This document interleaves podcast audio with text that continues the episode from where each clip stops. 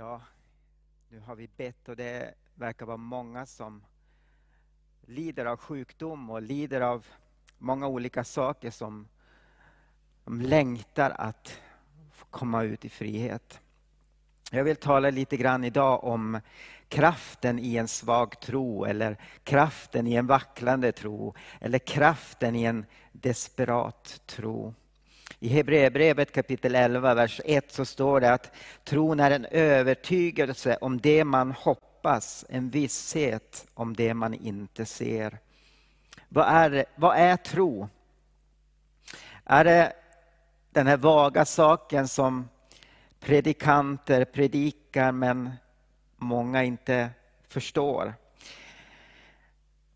Eh, jag har hört det många gånger sägas att om jag bara har tillräckligt med tro så kan Gud göra det han vill. Hur vet jag att jag har tillräckligt med tro? Finns det en manick som mäter tro? Kanske en manick som säger att nu har jag en halv tank av tro eller kan jag åka in till Guds bensinmack och tanka den här oss fulla med tro? Nej. Men hur kan Gud göra det han vill genom din och min tro? Hur kan Gud arbeta med den kanske svaga och kanske vacklande tro som jag ibland bär på? I Hebreerbrevet som vi läste just i början, Eh, kapitel 11, så läser vi om alla dessa troshjältar. Vi läser om Mose, vi läser om Abraham, vi läser om, om de som blev söndersågade men inte sviktade i sin tro. De tvivlade inte, de, de fick det som var utlovat. Men må, många gånger när jag läser det här kapitlet så är det svårt att relatera till dem. För att jag känner att jag kommer inte upp till den tro som de har. Tänk att ta sitt allra dyrbaraste och gå upp för berget för att offra sin son till Gud. Vilken tro. Sen vet vi att, att han fick tillbaka sin son och behövde inte offra honom. Eller tänk när Moses stod framför Röda havet, sträckte ut och havet delade på sig. Hur kan du och jag relatera till en sån tro? Och Jag tror att många av oss kanske känner att vi inte passar in i den typen eller dessa troshjältars liv. Och eh, jag vill bara uppmuntra dig idag att vi ska, du ska inte tappa modet. Det finns plats både för dig och för mig i Guds plan. Och jag vill tala lite grann över en kvinnas tro här ikväll utifrån Markus kapitel 5. Och eh, jag vill läsa Markus kapitel 5 från vers 25. Och eh, kontexten är ju så här att Jesus är och predikar och det är många folk som har samlats omkring honom och så kommer Jairus, en synagogföreståndare till Jesus och säger att kan du komma och hälsa på mig, min dotter ligger för döden. Och Jesus säger att han ska följa med Jairus. Och där går Jesus tillsammans med Jairus och många, många människor följer med. Och då kommer vi till texten. Där var en kvinna som hade haft blödningar i 12 år. Fast hon hade lidit mycket hos många läkare och lagt ut allt hon ägde hade hon inte fått någon hjälp.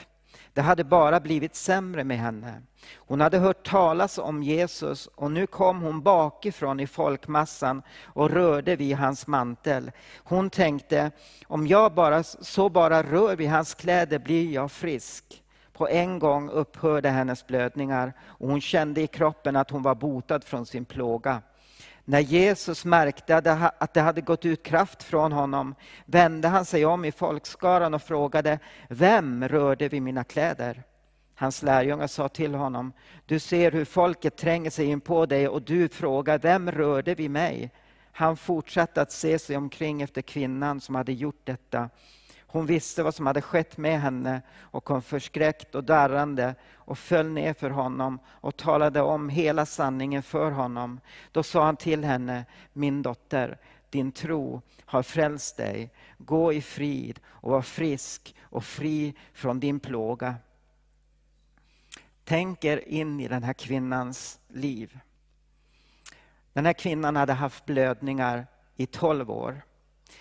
Det betyder 4 384, 83 dagar, 144 månader, över 100 000 timmar. Tänk den här kvinnan, vi vet inte så mycket om henne. Men om vi kan tänka oss in att hon, kanske, hon fick den här sjukdomen. Hon tänkte att det här kanske slutar om ett par veckor. Men det fortsatte och fortsatte. Hon hade varit levande och frisk. Hon har många vänner. Många vänner som tycker om henne, som är nära henne. Men allt detta förändrades med denna sjukdom. Tänk er att hon med den här sjukdomen så var hon oren. Hon fick vare sig komma in i templet, i synagogan. Hon fick inte vara, röra vid människor. Hon var som en outcast. Hon var bortkastad. Tänk er in i den situationen. 12 år hade hon befunnit sig i den här. Och det står i vers 26 att fast hon hade lidit mycket hos många läkare och lagt ut allt hon ägde, hade hon inte fått någon hjälp. Det hade bara blivit sämre med henne. Hon hade försökt göra allting för att hon skulle bli frisk. Hon hade spenderat alla pengar som hon hade för att hon skulle kunna bli som vanligt igen. Att hon skulle kunna få tillbaka sina vänner och bli frisk. Och så står det att hon hade fått höra om Jesus. Hon hade hört, säkert hört rykten om vad Jesus gjorde när han gick omkring, botade, gjorde gott och botade alla som kom till honom. Det står faktiskt att han gjorde gott och botade alla som kom till honom. Det var många blinda som kom, lama fick kunde ställa sig upp. Tänk på de här fyra männen som kom och bar sin kompis och till Jesus, kom till huset men det var så fullt så att de gick upp för taket, tog bort taket och släppte ner honom. Och där mitt bland folkmassan så fick den här lame mannen ställa sig upp. Och han fick också sina synder förlåtna. Hon hade hört det här om Jesus. Och jag tror att det hade det började spira en förhoppning i henne att kanske, kanske kan den här mannen också bota mig. Och eh, tänk er att hon kanske tänkte att det är, en, det är min sista chans. Om inte han kan bota mig så är det bara att lägga mig ner och dö. Och, eh, så hon gjorde någonting. Hon tog ett steg. Tro är ju faktiskt att man tar ett steg ut i det okända. Precis som Abraham när han tog sin son upp för berget. Eller Petrus som tog ett steg utanför båten och gick på vattnet. Tro är att ta ett steg ut i det okända. Hon visste att hon var tvungen att gå och söka efter Jesus för att hon skulle kunna ta emot det som Jesus hade att ge henne. Så att hon tog sig till honom. Och eh, tänker in här, det, jag vet inte hur många, det är kanske hundratals människor som trängs omkring Jesus. Och den här kvinnan kommer Och hon ser Jesus i denna folkmassa. Men tänker då också in i hennes situation. Hon har den här sjukdomen. Hon får inte röra vid människor. Hon känner skam i sig. Och, eh, men ändå så var det en desperat tro. Det var någonting som, som tvingade henne att jag måste röra vid Jesus för att bli frisk. Så hon tränger sig in bland folkmassan. Och det står i Markus, Matteus skildring så står det att hon tog i hörntofsen på hans mantel.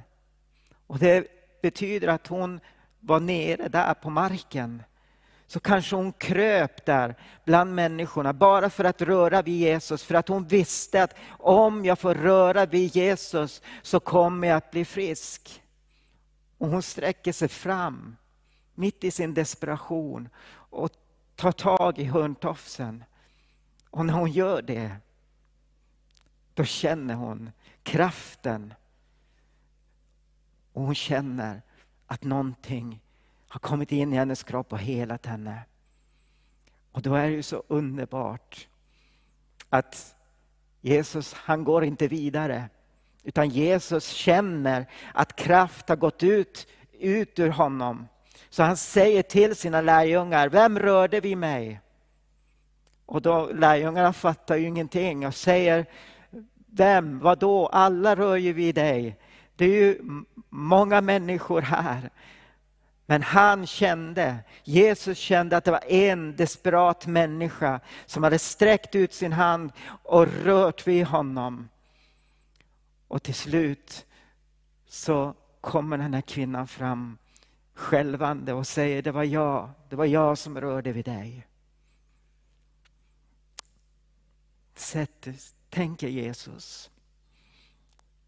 Den här underbara mannen. Som när han såg folkskarorna fick medlidande. Han såg den här kvinnan och sa, min dotter, din tro har frälst dig. En annan översättning säger att din tro har helat dig. Det spelar ingen roll, ordet helande eller frälst, det är det, ordet, grekiska ordet soso som betyder att göra hel, att frälsa, att hela. Och många andra betydelser har detta ordet. Och hon, han säger, gå i frid, din tro har frälst dig. Du är fri från din plåga. Och jag vill säga till dig här ikväll, vi har inte mycket tid ikväll. Men Jesus är här. För dig, sträck ut din hand. Precis som den här kvinnan. Kom ihåg också att det var inte hennes beröring som frälste henne. Det var inte hennes beröring som helade henne, utan det var tron på Jesus som helade henne. Och eh, Jag tror att den här kvinnan med den här blodsjukdomen, vi kan säga att hon hade en svag tro eller vacklande tro. För hon visste inte.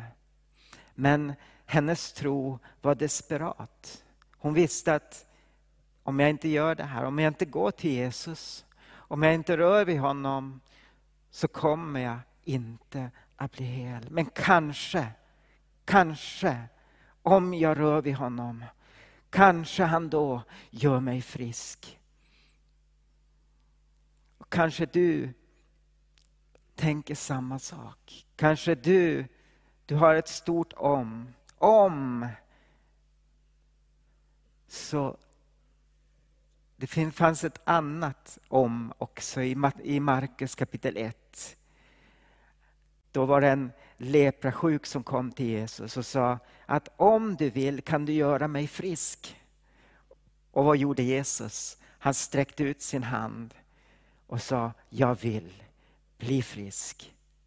Kanske du har ett om, du vet inte vad Jesus vill. Men Bibeln säger att han vill.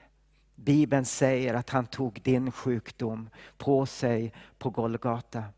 Jesus, han tog inte bara din, din synd, utan han tog även din sjukdom.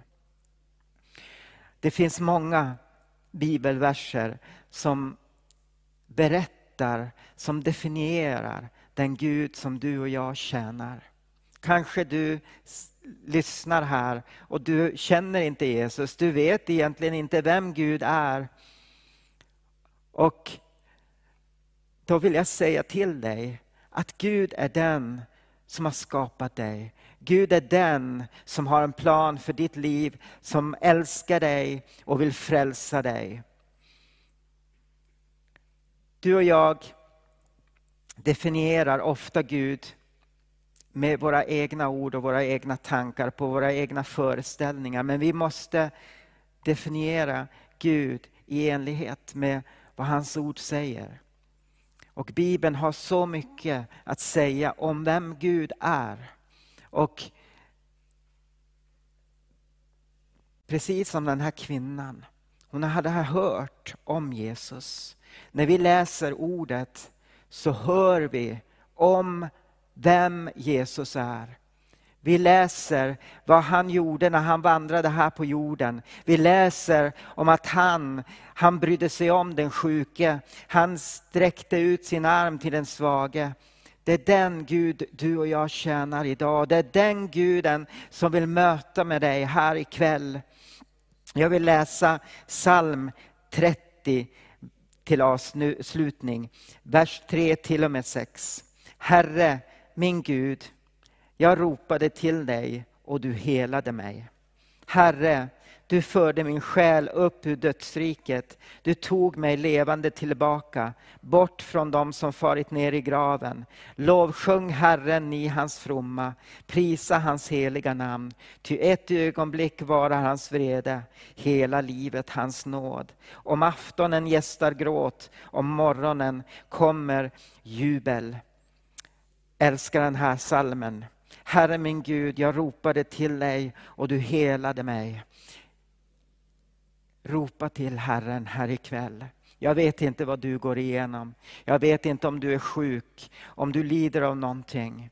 Det kan vara depression, det kan vara cancer, det kan vara någonting annat. Men ropa till Herren och han vill svara dig. Kan vi ta ett par minuter och be? Och jag uppmanar dig att om du är sjuk, kom till Herren just nu. Lyft upp din blick och säg ut till honom vad det är du vill att han ska göra för dig. Kom till Jesus nu och var precis som den här kvinnan som desperat gjorde allt för att kunna ta i hörntofsen på Jesu mantel. För hon visste, om jag får röra honom så blir jag frisk. Herre, jag tackar dig Herre för att du är en Gud som är likadan idag, precis som när du gick här på jorden. Herre, du är densamma igår och idag och såg till evig tid. Du förändras inte utan du är alltid densamma Herre. Och du älskar var och en Herre. Och du helar, du gör mirakel även idag Herre. Och jag ber dig Jesus för dessa människor som lider betryck idag. Herre, de kanske är sjuka. Herre, cancer, kanske någonting annat. Herre, jag ber dig att du kommer, att du sträcker ut din hand. Att du lägger din hand på dem, Gud, och hela dem, Herre. Jag tackar dig Jesus för dem som lider betryck, för dem som lider av depression. Jag tackar dig för att du lyfter upp dem ur depressionen. Jag tackar dig för att du ger dem kraft, att du ger dem styrka, att du ger dem ny frälsningsglädje Herre. Jag ber dig Gud att du möter dessa människor just nu Herre. Vi tackar dig Herre för den du är. Vi tackar dig för att du är nådefull. Vi tackar dig Herre för att du, Herre, är densamme igår och idag och i evighet. Herre, vi tackar dig för att du är den ditt ord säger att du är. Herre, du säger i ditt ord att du bar vår synd och du bar våra sjukdomar på dig, Herre. Vi tackar dig för att vi får tro på dig, förtrösta på dig och kasta alla våra bekymmer på dig Herre, för vi vet att du har omsorg om oss. Jag tackar dig i Jesu namn. Amen.